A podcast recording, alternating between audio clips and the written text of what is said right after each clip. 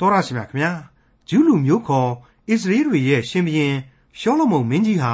ခရိယန်တမန်ကျမ်းရဲ့ဓမ္မဟောင်းကျမ်းပိုင်းတွေကတုတ်တန်ကျမ်းကိုရေးသားစဉ်အချိန်တုန်းကတော့ထာဝရရှင်မြတ်စွာဘုရားသခင်နဲ့အင်မတန်မှကိုနီးနီးကပ်ကပ်ရှိခဲ့တယ်ဆိုတာတုတ်တန်ကျမ်းမှာပါရှိတဲ့အကြောင်းအရာတွေအရသိသာထင်ရှားပါတယ်။ဒါပေမဲ့ဒေသနာကျမ်းကိုရေးသားစဉ်အချိန်အခါမှာတော့သူလှုပ်ခဲ့သမျှအရာတွေအားလုံးကိုစိတ်ကုံညင်းငွေ့နေခြင်းဖြစ်တယ်လို့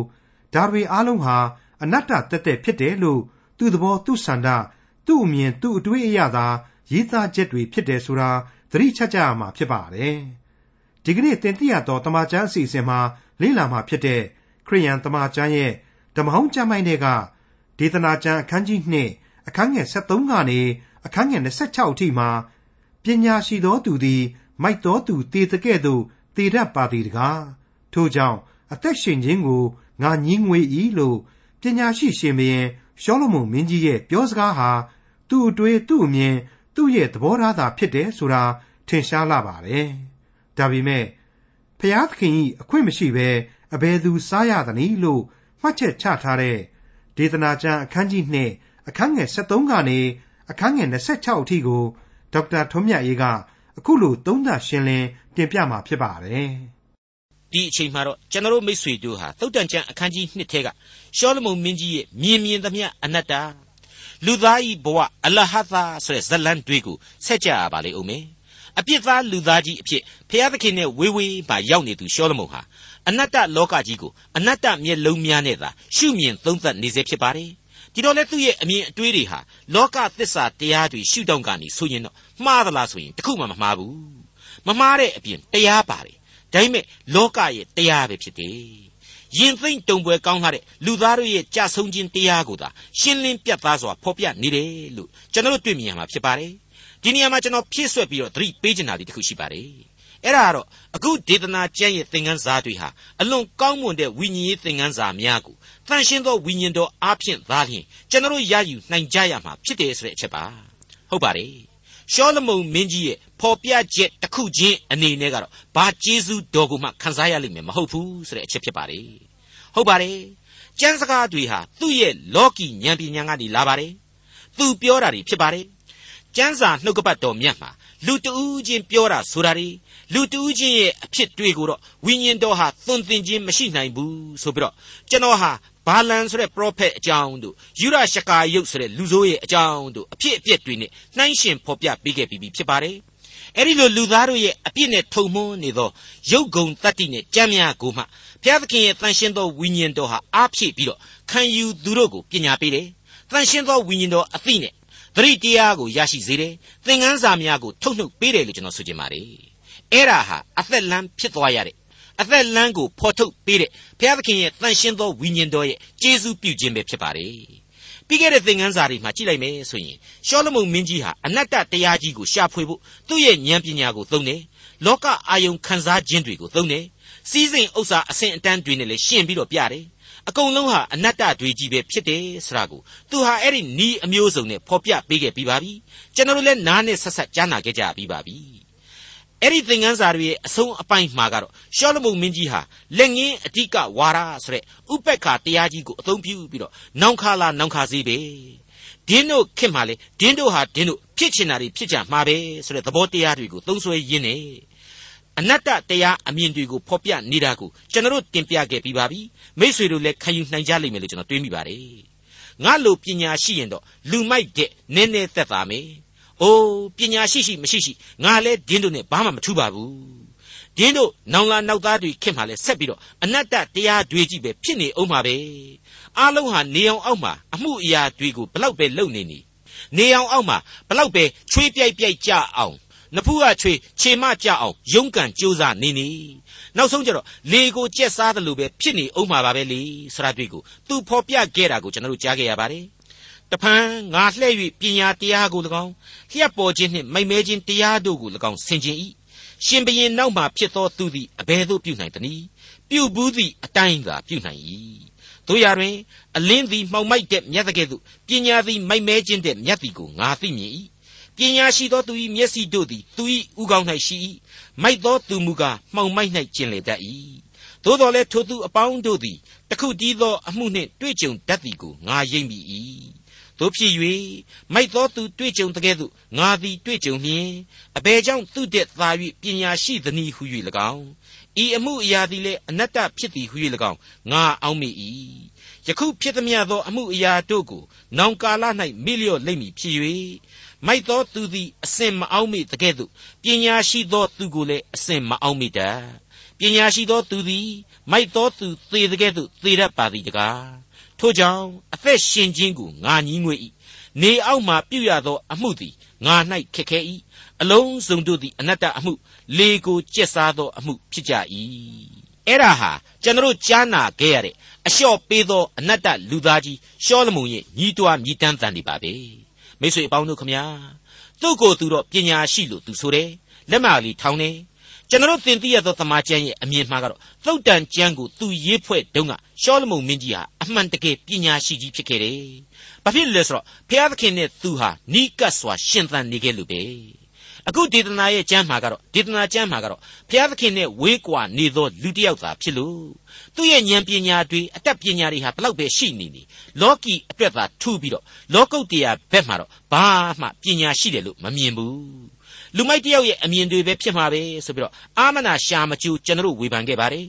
အဲ့ဒါကိုမကျေနပ်တဲ့လူတွေများရှိမယ်ဆိုရင်လေအကောင်းဆုံးအဖြေကိုရနိုင်ဖို့ရန်အတွက်ကိုကိုကိုမှန်သားပြင်ရှေ့မှာသာသွားပြီးတော့ရက်ကြည့်ကြပါလူသားဖြစ်တဲ့ကိုအရေးကိုပဲကိုပြန်ပြီးတော့မေခွန်းထုတ်ကြည့်ကြပါကိုဟာလည်းအဲ့ဒီလိုပဲဘုရားသခင်ရဲ့နီးကပ်စွာရှင်သန်လိုက်မယ်ဘုရားသခင်ကိုသိကျွမ်းသောပညာအားဖြင့်ပညာ၏အချုပ်အခြာ၌တည်လာလိမ့်မယ်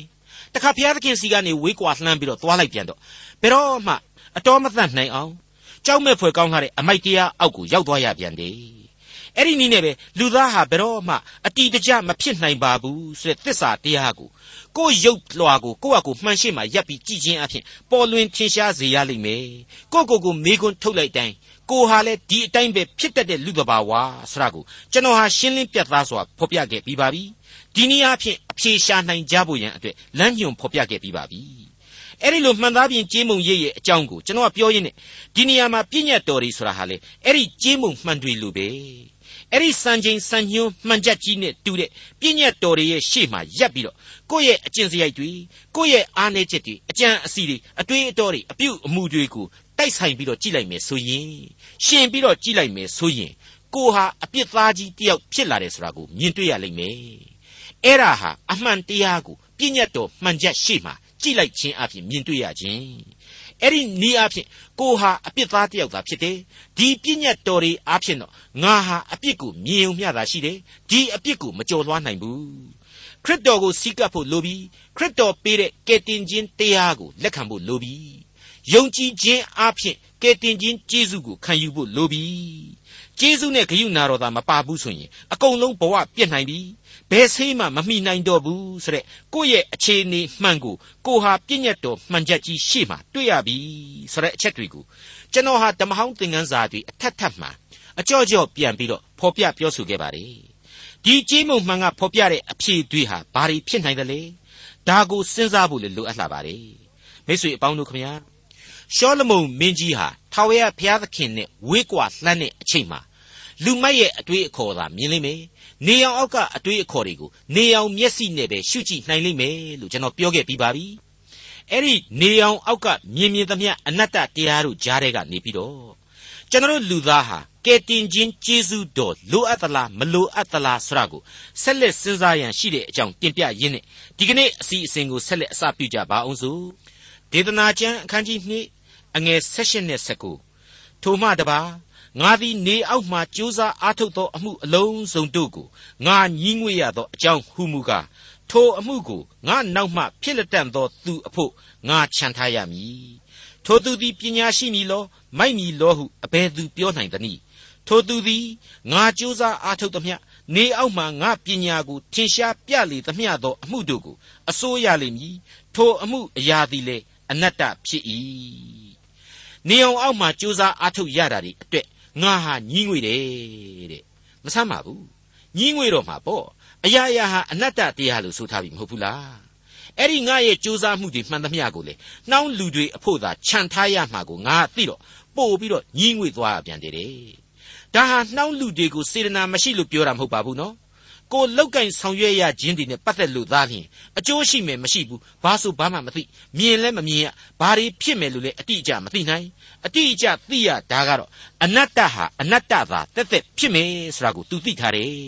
ဒီတော့ဒီအနတ္တတွေအကုန်လုံးအတွက်ယုံကံကြိုးစားရတာမျှော်မြင်ရတာတွေဟာအရသာလဲဘာမှမရှိပါဘူးတဲ့တနည်းအားဖြင့်ကတော့လောက်ကင်ဆောင်ရွက်เสียကိစ္စတွေကိုမလုပ်ဘူးမကင်ဘူးတော့မဟုတ်ဘူးလောက်ကင်ဆောင်ရွက်ရတာကတော့မှန်တယ်လောက်ကင်ဆောင်ရွက်ရတာဟာအမှန်ဒါပေမဲ့ဘာမှရသမမြောက်ဘူးတဲ့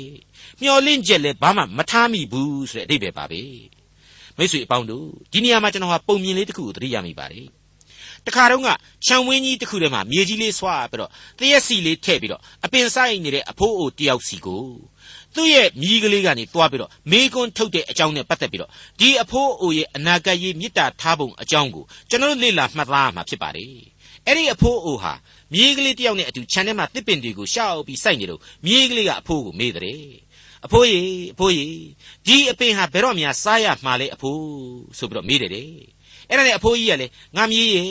နောက်9နှစ်6နှစ်ကနေ10နှစ်လောက်ကြာရင်တော့အသေးချာပေါက်စားရမှာပေါ့ကွယ်ဆိုပြီးတော့ဖြေတယ်အဲ့တော့မြေးကလေးကနေပြီးတော့အဖိုးရအဖိုးလည်းစားခြင်းမှစားရမယ်ဥစ္စာကြီးကိုဘာဖြစ်လို့စိုက်နေရတော့ကိုစားရမှာမှမဟုတ်တာဘာဖြစ်လို့အပင်မန်းခံပြီးတော့အဖိုးဒီတရက်ပင်ကြီးကိုစိုက်နေပါသလဲလို့မေးတယ်အဲ့တော့အဖိုးအိုကြီးကနေပြီးတော့အော်ငါမြေးရ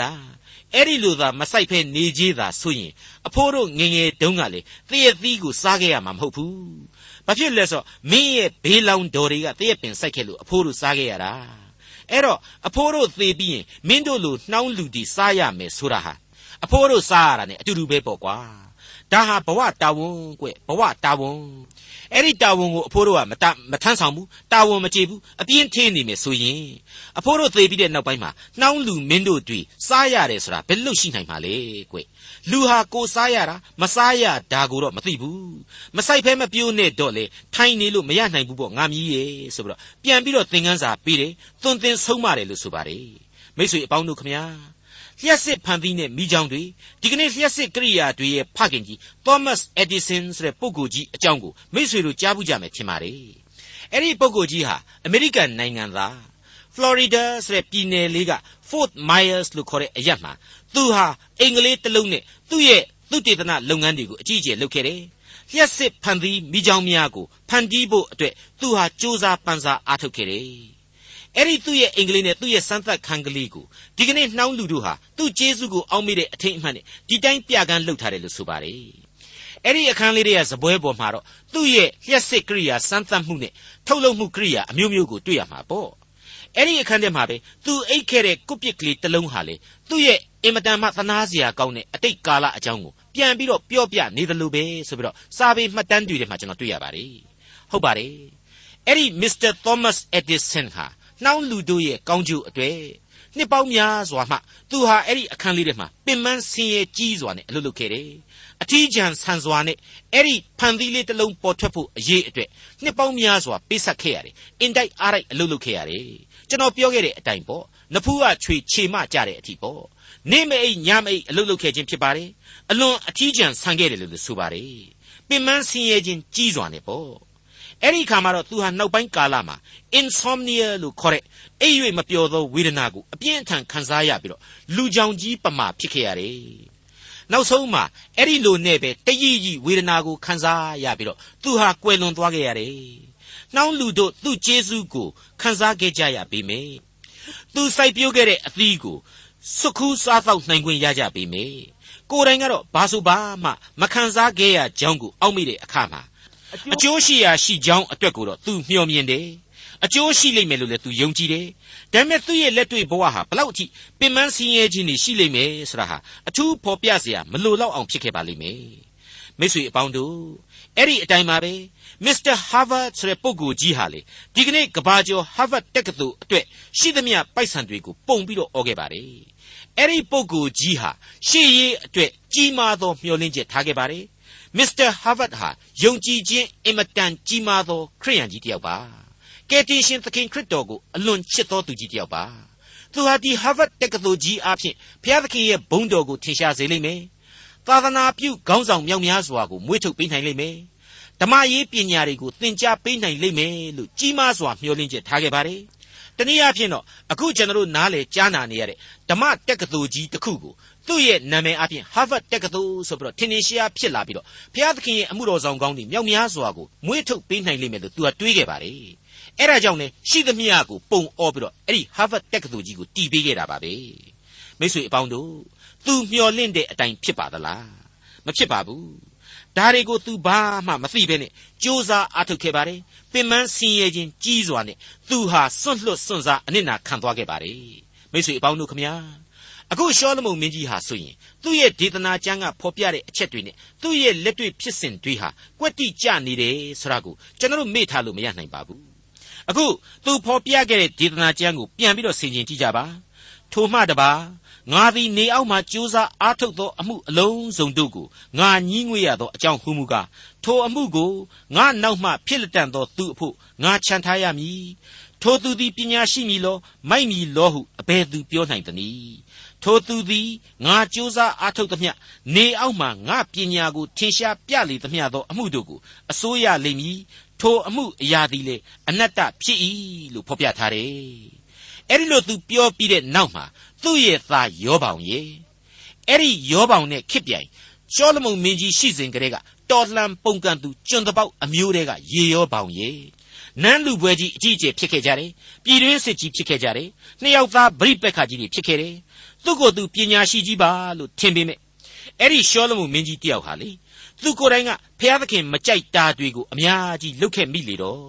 သားတော်မောင်ယောပေါင်ရဲ့ခင်မှာပဲဣသရေလနိုင်ငံတော်ကြီးဟာတောင်နဲ့မြောက်နှစ်ချမ်းကွဲခဲ့ရတယ်ဆိုတာတွေ့ကိုကျွန်တော်ဓမ္မသမိုင်းမှာအထင်ရှားတွေ့ခဲ့ရပါတယ်လူသားတွေရဲ့ယုံကံအားထုတ်မှုတွေဟာပြောတဲ့အတိုင်းအမှန်တကယ်အနတ္တတရားအဖြစ်ထင်ရှားပေါ်လွင်ပြသသွားခဲ့ရတယ်ကဲအဲ့ဒီလိုဆိုရင် ပညာမဲ့တဲ့သားလူမိုက်ကြောင့်နိုင်ငံကွဲတာဟာသူ့သားတယောက်တည်းရဲ့အပြစ်ကြီးပြောလို့မရတော့ဘူးအဖေဖြစ်တဲ့သူကိုယ်တိုင်ရဲ့အပြစ်တွေကြောင့်လည်းပါဝင်တယ်သူပြောတဲ့အတိုင်းနေအောင်အောက်ကအမြင်နဲ့ဆိုရင်တော့နေအောင်အောက်ကပညာရှိဟာလေအနတ္တဆိုတဲ့သဘောကိုပဲဆောင်းနေပြီလို့ကျွန်တော်ပြောချင်ပါတယ် ဒါလေးတွေကိုအလွန်ပြေကျွန်တော်ပြန်ပြီးတော့ဖတ်ပြခြင်းပါတယ်ဓမ္မရာဇဝင်တတိယစာဆောင်အခန်းကြီး7အငယ်26ကနေပြီးတော့ရှောလမုန်ရဲ့ရန်သူရေရောပေါင်းဆိုတဲ့သဘုံတယောက်ကိုဘုရားသခင်ရဲ့ပရောဖက်အဟိယကနေဘယ်လိုပြောခဲ့တာတွေဘယ်လိုဗျာဒိတ်ပြုခဲ့တာတွေကိုကျွန်တော်တို့အခုလိုပြန်ပြီးတော့တွေ့မြင်နိုင်ပါလိမ့်မယ်နေအောင်အောက်ကအနတ္တတရားကိုစင်ကျင်နှလုံးသွင်းရမှာသိသင့်သိလိုက်တဲ့ကြောရိုးနောက်ခံပုံမြင်လေးအဖြစ်နဲ့မိษွေတို့တကြောပြန်ပြန်ပြီးတော့နားဆင်ကြည့်ကြပါစို့ နေဘတ်ဤသားရေရောဘောင်သည်လေရှင်ဘရင်ကိုပုံကန်၏သူ၏အမိကဇေယွာအမိရှိသော မုတ်ဆိုးမသည်ရှင်ဘရင်ကိုပုန်ကန်သောအကြောင်းဟုမူကားရှောလမုန်သည်မိလောမြို့ကိုတည်၍ခမည်းတော်ဒါဝိဒ်၏မြို့ရိုးပြက်ကိုပြုပြင်သောအခါရေရောပေါင်သည်ခွန်အားကြီးသောသူရဲ့ဖြစ်၏ကြိုးစားအားထုတ်တတ်သောလူလင်ဖြစ်ကြောင်းကိုရှောလမုန်သည်မြင်လျင်ယောသတ်အမျိုးဆောင်ရွက်ရသောအမှုရှိသမျှကိုအုပ်စေခြင်းဟာခံထားတော်မူ၏တခါ ရေရောပေါင်သည်ယေရုရှလင်မြို့ပြင်သို့ထွက်သွားသည်ရှိသောရှီလောမြို့သားအဟိယသည်ဝတ်လုံသစ်နှင့်ကိုကိုခြုံလျက်ရေရောပေါင်ကိုကြိုဆို၍လေပြင်း၌ထိုသူနှစ်ယောက်တည်းရှိစဉ်အခါအဟိယသည်မိမိဝတ်သောဝတ်လုံသစ်ကိုကန်၍ဆက်နှစ်ပိုင်းဆုပ်ဖြတ်ပြီးလျှင်ရေရောပေါင်အားဤဆယ်ပိုင်းကိုယူလော့ဣသရေလမျိုး၏ဘုရားသခင်ထာဝရဘုရားမိန့်တော်မူသည်ကားနိုင်ငံတော်ကိုရှောလမုန်လက်မှငါနှုတ်၍ခရိုင်ဆယ်ခရိုင်ကိုသင်အားပေးမည်ငါကျွန်ဒါဝိဒ်အတွက် ဣသရေလခရိုင်များတို့တွင်ငါရွေးကောက်သောယေရုရှလင်မြို့အတွက်ရှောလမုန်သည်တခရိုင်ကိုယူရ၏ဆယ်ခရိုင်ကိုနှုတ်ရသောအကြောင်းဟုမူကားငါကိုစွန့်၍ဇိဒုံနတ်သမီးအာရှတရက်မောဘဖေယခေမှုရှာအမုံဖေယမိလကုံတို့ကိုကိုးကွယ်သဖြင့်အဖဒါဝိဒ်ကဲ့သို့ငါရှိ၌မှန်သောတရားငါစီရင်ထုံးဖွဲ့ချက်တွေကိုစောင့်ရှောက်ခြင်းဟာငါလန်းတို့သို့မလိုက်တို့ရတွင်နိုင်ငံတော်ကိုသူ၏လက်မှငါမနှုတ်သေး ငါရွေးကောက်၍ငါပြည့်ညက်တရားတို့ကိုစောင့်ရှောက်သောငါကျွန်ဒါဝိဒ်အတွက်သားရှောလမုန်သည်တစ်သက်လုံးစိုးစံစေခြင်းဟာငါအခွင့်ပေး၏ရှောလမုန်ဤသားလက်မှနိုင်ငံတော်ကိုနှုတ်၍ဆယ်ခရိုင်ကိုသင့်အားငါပေးမည်ငါနာမတီးရဖို့ငါရွေးကောက်သောယေရုရှလင်မြို့တွင်ငါရှိမှငါကျွန်ဒါဝိဒ်၏မိခွက်သည်အစဉ်ထွန်းလင်းလျက်ရှိစေခြင်းဟာရှောလမုန်သားအားတခရိုင်ကိုငါပေး၏ သင်ကိုငါရွေးယူ၍သင်သည်ကိုအလိုဆန္ဒပြည့်စုံစေခြင်းဟာစိုးစံလျက်ဣသရေလအမျိုးတွင်မင်းပြူရ၏သင်သည်ငါမှားထားသမျှတို့ကိုနားထောင်၍ငါကျွန်ဒါဝိဒ်ပြုတဲ့ကဲ့သို့ငါဤလမ်းတို့သို့လိုက်လျက်ငါရှိ၌မှန်သောတရားငါစီရင်ချက်ပြည့်ညတ်များကိုစောင့်ရှောက်လျင်သင်နှင့်အတူငါရှိ၍ဒါဝိဒ်အဖို့မြဲမြံသောအိမ်ကိုဆောက်သည်နိတူသင်အဖို့ဆောက်၍ဣသရေလနိုင်ငံကိုငါပေးမည် ဤအကြောင်းကြောင့်ဒါဝိဒ်မင်းမျိုးကိုငါနှောက်ယှက်မည်တို့ရတွင်အစဉ်နှောက်ယှက်မည်မဟုတ်ဟုမိန့်တော်မူကြောင်းကိုဆင့်ဆို၏ရှောလမုန်သည်ရေရောဘောင်ကိုသတ်မည်ဟုအာထုတ်သည်ရှိသောရေရောဘောင်သည်ထ၍အေဂုတ်ထုပြည်အေဂုတ်ထုရှင်ဘရင်ရှိရှက်ထံသို့ပြေးသဖြင့်ရှောလမုန်သေသည်တိုင်အောင်အေဂုတ်ထုပြည်၌နေလေ၏မိတ်ဆွေအပေါင်းတို့အဲ့ဓာတွေဟာရှောလမုန်တောင်မှမသေးသေးပါဘူးနော် ကြိုပြီးတော့ဘုရားသခင်စီရင်ခဲ့တဲ့အပြစ်ဒဏ်တွေအဖြစ်ရှောလမုန်နားနဲ့ဆက်ဆက်ကြားခဲ့ရတယ်နဖူးတွေဒူးတွေကြုံတွေ့ခဲ့ရတယ်ဆိုတာဟာရှင်းနေပါပြီဘယ်လိုပဲပြောပြောဘုရားသခင်ရဲ့အလိုတော်ဆိုတာကိုအခုအပိုင်းမှာရှောလမုန်ဟာဦးစားမပေးပါဘူးနေအောင်အောက်မှာဖြစ်နေတဲ့ဖြစ်ပျက်ပြုပြင်ခြင်းသဘောတရားတွေကိုသာပြောတယ်လို့ဖြစ်နေပါတယ်ပြောလိုက်သမျှတို့ဟာလေနေအောင်အောက်ကလူဘဝကိုနေအောင်အောက်ကအမျော်အမြင်တွေပေါ်မှာသာသူဟာမူတည်ပြီးတော့ပြောနေတယ် အဲ့ဒီနေအောင်အောက်ကလူဘဝအမြင်တွေဟာလေလောကဓမ္မသဘောအရာအမှန်တကယ်ဖြစ်နေတာပဲပြက်နေတာပဲဆိုတာတွေကိုလေကျွန်တော်ရှင်းလင်းပြတ်သားစွာတွေ့မြင်နိုင်ပြီလို့ကျွန်တော်ထင်ပါတယ်ဒေသနာကျမ်းအခန်းကြီး2အငယ်20မှ23ထို့ကြောင့်နေအောက်မှာငါကြိုးစားအားထုတ်သမျှတို့၌မျော်လင့်เสียမရှိစိတ်ပြက်အောင်တဖန်ငါကြံစီ၏ အကြောင်းမူကားပညာရှိလျက်သိပ္ပံအတတ်နှင့်ပြည့်စုံလျက်အမှုအောင်လျက်ကြိုးစားအားထုတ်သောသူဖြစ်တော်လေမကြိုးစားအားမထုတ်သောသူဝင်เสียဖို့ထိုအမှုကိုစွန့်ထားရမည်ထိုအမှုအရာသည်လည်းအနတ္တအမှုအလွန်ဆိုးသောအမှုဖြစ်၏လူသည်နေအောက်မှကြိုးစားအားထုတ်သောအမှုအလွန်စိတ်ဆွဲလန်းသောအမှုအလုံးစုံတို့၌အဘယ်အကျိုးရှိသနည်းသူ၏နေ့ရဲ့အပေါင်းတို့သည်ဝန်နေခြင်းသူ၏အလုတ်အကင်လေးညိုညင်ခြင်းဖြစ်၏ ညအခါ၌ပင်သူ၏စိတ်နှလုံးမငြိမ်ရာထိုအမှုသည်လည်းအနတ္တဖြစ်၏တမျိုးကြီးဖြစ်သွားပြီဆိုတာတွေ့ရပါတယ်ဣလေလေကြီးပေါ့ဟုတ်ပါတယ်အဲ့ဒါဆိုရင်ဒီအနတ္တအမှုတွေဖြစ်နေတဲ့အတွက်ကြောင့်ငါမလုပ်တော့ဘူးဆိုပြန်တော့လေမဖြစ်ပြန်ဘူးလေဖြစ်ချင်အားဖြစ်ဖြစ်သမျှအကြောင်းအကောင်းကြီးပဲဆိုပြီးတော့ပြစ်ထားဖို့တော့မကြံဘူးမဟုတ်ဘူးကြံစီတယ်တွေးတော့တယ်ဒါပေမဲ့အဲ့ဒါဟာမကောင်းပါဘူးလေ ငါရဲ့သမိုင်းပေးတာဝန်တွေပဲငါမထမ်းလို့ဘယ်ဖြစ်မလဲငါမဖြစ်စည်းလို့ဘယ်ဖြစ်မလဲဆိုပြီးတော့နောက်ဆုံးပြန်ပြီးတော့ဒီအလုပ်တွေကိုလုပ်မိတာပါပဲတဲ့ဟုတ်ပါတယ်ဒီနေရာဒီအပိုင်းမှာတခုတန်ဝေကယူဖို့အတွက်ကတော့အဲ့ဒီလိုကိုယ့်လက်ထဲကတာဝန်ကလေးတွေကိုတောင်းမှကိုဟာမယူဆောင်ပြန်ရင်တော့ဒါဟာအလွန်ဆိုးသောအမှုဆိုတဲ့အဆင့်ကိုရောက်သွားပြီလို့ရှောလမုန်မင်းကြီးဖော်ပြလိုက်ခြင်းပါပဲဟုတ်ပါတယ် အကြောင်းမူကားပညာရှိလျက်သိပ္ပံအတတ်နှင့်ပြည့်စုံလျက်အမှုအောင်လျက်ကြိုးစားအားထုတ်တော်သူဖြစ်တော်လေမကြိုးစားအားမထုတ်တော်သူဝင်เสียဖို့ထိုအမှုကိုစွန့်ထားရမည်ထိုအမှုအရာသည်လေအနတ္တအမှုအလွန်ဆိုးသောအမှုဖြစ်၏လူသည်နေအောက်မှကြိုးစားအားထုတ်သောအမှုအလွန်စိတ်ဆွဲလန်းသောအမှုအလုံးစုံတို့၌အဘယ်အကျိုးရှိသနည်းသူ၏နေအပေါင်းတို့သည်ဝင်နေခြင်းသူ၏အလုတ်အကင်လေညိုညင်ခြင်းဖြစ်၏ညအခါ၌ပင် သူ၏စိတ်နှလုံးမငြိမ်ရထိုအမှုအရာသည်လေအနတ္တဖြစ်၏ကဲကောင်းတာများဘာရှိသေးသလဲလို့ကျွန်တော်မေးချင်ပါတယ်မိတ်ဆွေအပေါင်းတို့ခမညာနေအောင်အောက်ကအနတ္တအမှုတွေးဟာနေအောင်အောက်ကအနတ္တလူသားတွေအတွက်အဲ့ဒီလိုမျောလင့်ခြင်းအရှင်မရှိမျောလင့်เสียမရှိအကျိုးကျေးဇူးလည်းမပြုအနှုတ်လက္ခဏာကြီးဖြစ်နေတာဟာကယ်တင်ရှင်သခင်ခရစ်တော်ရဲ့ကျေးဇူးတော်အရေးအောက်ကလူသားတို့အဖို့ကြတော့မြင်ကွင်းဟာပြောင်းသွားနိုင်တယ်။ ဒါကိုတမန်တော်ကြီးရှင်ပေါလုရဲ့အေဖက်ဩဝါဒစာမှာကျွန်တော်အခုလိုတွေ့ကြရပြီဖြစ်ပါတယ်။ဒုစရိုက်အပြစ်၌သေလျက်ရှိနေသောသင်တို့ကိုပင်ဘုရားသခင်သည်အသက်ရှင်စေတော်မူပြီထိုညင်းဆန်သောသူတို့နှင့်တကွငါတို့ရှိသမျှသည်အထက်ကကိုကာယ၏အလိုတို့၎င်းစိတ်၏အလိုတို့၎င်းလိုက်သဖြင့်ကာမဂုဏ်တို့၌ကျင်လည်သည်ဖြစ်၍ကျွင်းသောသူတို့ကဲ့သို့ပင်ပဂရိအတိုင်းအမျက်တော်ကိုခံရသောသူဖြစ်ကြ၏ သို့တော်လည်းဂယုနာတော်နှင့်ကြွယ်ဝတော်မူသောဘုရားသခင်သည်ငါတို့ကိုချစ်တော်မူသောမဟာမေတ္တာတော်အားဖြင့်ဒုစရိုက်အပြစ်၌သေလျက်ရှိနေသောငါတို့ကိုခရစ်တော်နှင့်အတူအသက်ရှင်စေတော်မူပြီးကျေးဇူးတော်ကြောင့်သာကယ်တင်ခြင်းသို့ရောက်ရ၏တဲ့ရှင်းမနေဘူးလားနေအောင်အောက်ကအနတ္တလူသားကျေးဇူးတရားကိုခံစားရတော့ပုံစံတစ်မျိုးပြောင်းသွားရတယ်ဒေသနာကျမ်းအခန်းကြီး2အငယ်24မှ26စားဖောက်ခြင်းဟာ၎င်း စ조사အားထုတ်ရာ၌စိတ်နှလုံးပျော်မွေ့ခြင်းဟာ၎င်းလူ၌ကောင်းသောအခွင့်မရှိဘုရားသခင်ကျေးဇူးတော်ကြောင့်သာထိုသို့သောအခွင့်ကိုရနိုင်သည်ဟုငါသိမြင်၏ဘုရားသခင်အခွင့်မရှိဘဲအဘယ်သူစားရသနည်းအဘယ်သူခံစားရသနည်းရှေ့တော်၌ကောင်းသောသူအားဉာဏ်ပညာသိပ္ပံအတတ်နှင့်ဝမ်းမြောက်ခြင်းအခွင့်ကိုပေးတော်မူ၏အပြည့်ရှိသောသူအားပင်ပန်းစွာအလုတ်လုရသောအခွင့်ကို၎င်း ဘုရားသခင်ရှေ့တော်၌ကောင်းသောသူအားပေးเสียဖို့စီးပူးသိုထားရသောအခွင့်ကို၎င်းပေးတော်မူ၏ထိုအမှုအရာသည်လည်းအနတ္တအမှုလေကိုကျက်စားသောအမှုဖြစ်၏ကျေးဇူးတော်ကြောင့်သာဆိုတာကိုတစ်ဖက်ကဖော်ပြပါတယ်မဆိုးတယ်လို့လို့ပဲဒါပေမဲ့အဲ့ဒီကျေးဇူးတော်ဟာကွက်ကြားမိုးကဲ့သို့ရွာတယ်ဆိုတဲ့သဘောမျိုးဖြစ်မနေဘူးလားအခွင့်ရှိတဲ့လူမှစားရတယ်တောက်ရတယ်ပျော်ရတယ်တဲ့ ရေပုံရအားဖြင့်ကတော့လူ၌ကောင်းသောအခွင့်မရှိဆိုပြီးတော့အဲ့ဒီကျေးဇူးတရားကိုဖော်ပြတဲ့ကြားတွေကပဲအဆိုးမြင်ဝါဒကိုသာလျှင်ဦးစားပေးထားစေရှိတယ်ပြီးတော့မှတခါဘုရားသခင်ကသူ့ရှိတော်၌ကောင်းသောသူအားဉာဏ်ပညာသိပ္ပံအတတ်နဲ့ဝမ်းမြောက်ခြင်းတွေကိုပေးတယ်အပြည့်ရှိသောသူတွေကိုတော့ပင်မန်းစွာအလုတ်လုတ်ရတဲ့အခွင့်ကိုပေးတယ်